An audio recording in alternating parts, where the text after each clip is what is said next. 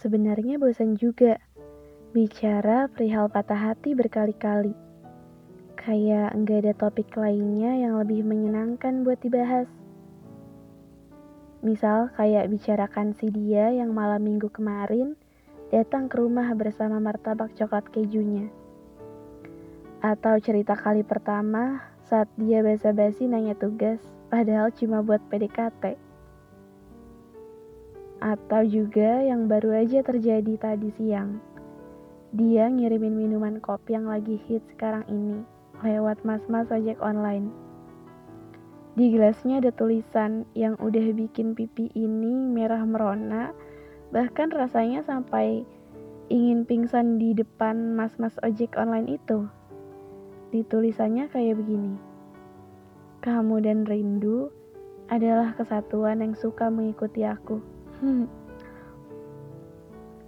Bukannya kalau membicarakan itu lebih menyenangkan ketimbang patah hati yang udah pasti menyedihkan. Anehnya, beberapa dari kita lebih antusias mendengarkan cerita patah hati. Lebih tertarik menyimak pembicaraan orang-orang yang baru saja dilukai. Di antaranya beralasan kalau dia merasa nggak sendirian lagi. Minimalnya, Patah hati yang pernah atau sedang dialaminya juga pernah orang lain rasakan. Jadi berasa punya teman.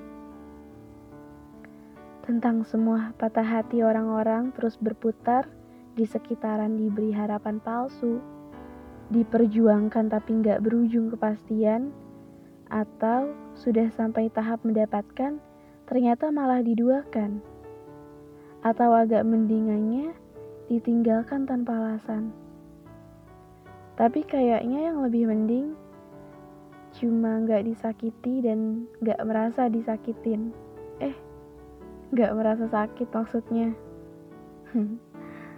Perihal patah hati, yang merasa sakit belum tentu yang disakiti. Dan yang baik-baik aja belum tentu dia yang menyakiti. Kadang sakit hati yang menyangkut aku dan dia, atau saya dan kamu itu tergantung perspektif kita di mana. Semisal dalam sebuah hubungan, saya nggak bisa menempatkan perasaan dia di waktu yang saya punya, begitupun sebaliknya. Dia nggak bisa menganggap perasaannya selalu melebihi saya, begitupun sebaliknya. Bisa aja, saya sakit hati karena nggak bisa menjaga perasaan sendiri.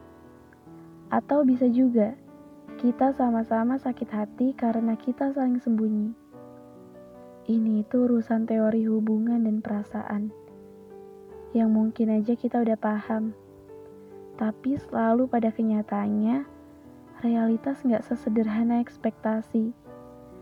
Kalau emang mau disederhanakan, yang harus kita mengerti dan harus kita terima, kalau aku dan dia atau saya dan kamu akan beberapa kali merasa enggak baik-baik aja Sebenarnya itu sangat perlu. Karena dari enggak baik, kita punya usaha untuk memperbaiki, asalkan masih berdua.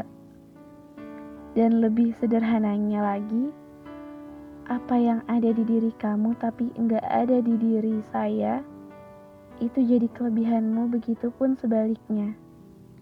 Lalu tinggal kita saling melengkapi sampai di mana ketika kita berdua rasanya jadi lebih sempurna. Terpenting dari itu, aku dan dia serta saya dan kamu punya waktu di mana kita gak harus selalu bersama, sebab kita punya sisi masing-masing dalam hidup. Selagi tanpa tangan yang menggenggam kita masih membawa percaya dan menjaga perasaan, aku dan dia serta saya dan kamu akan selalu baik-baik aja.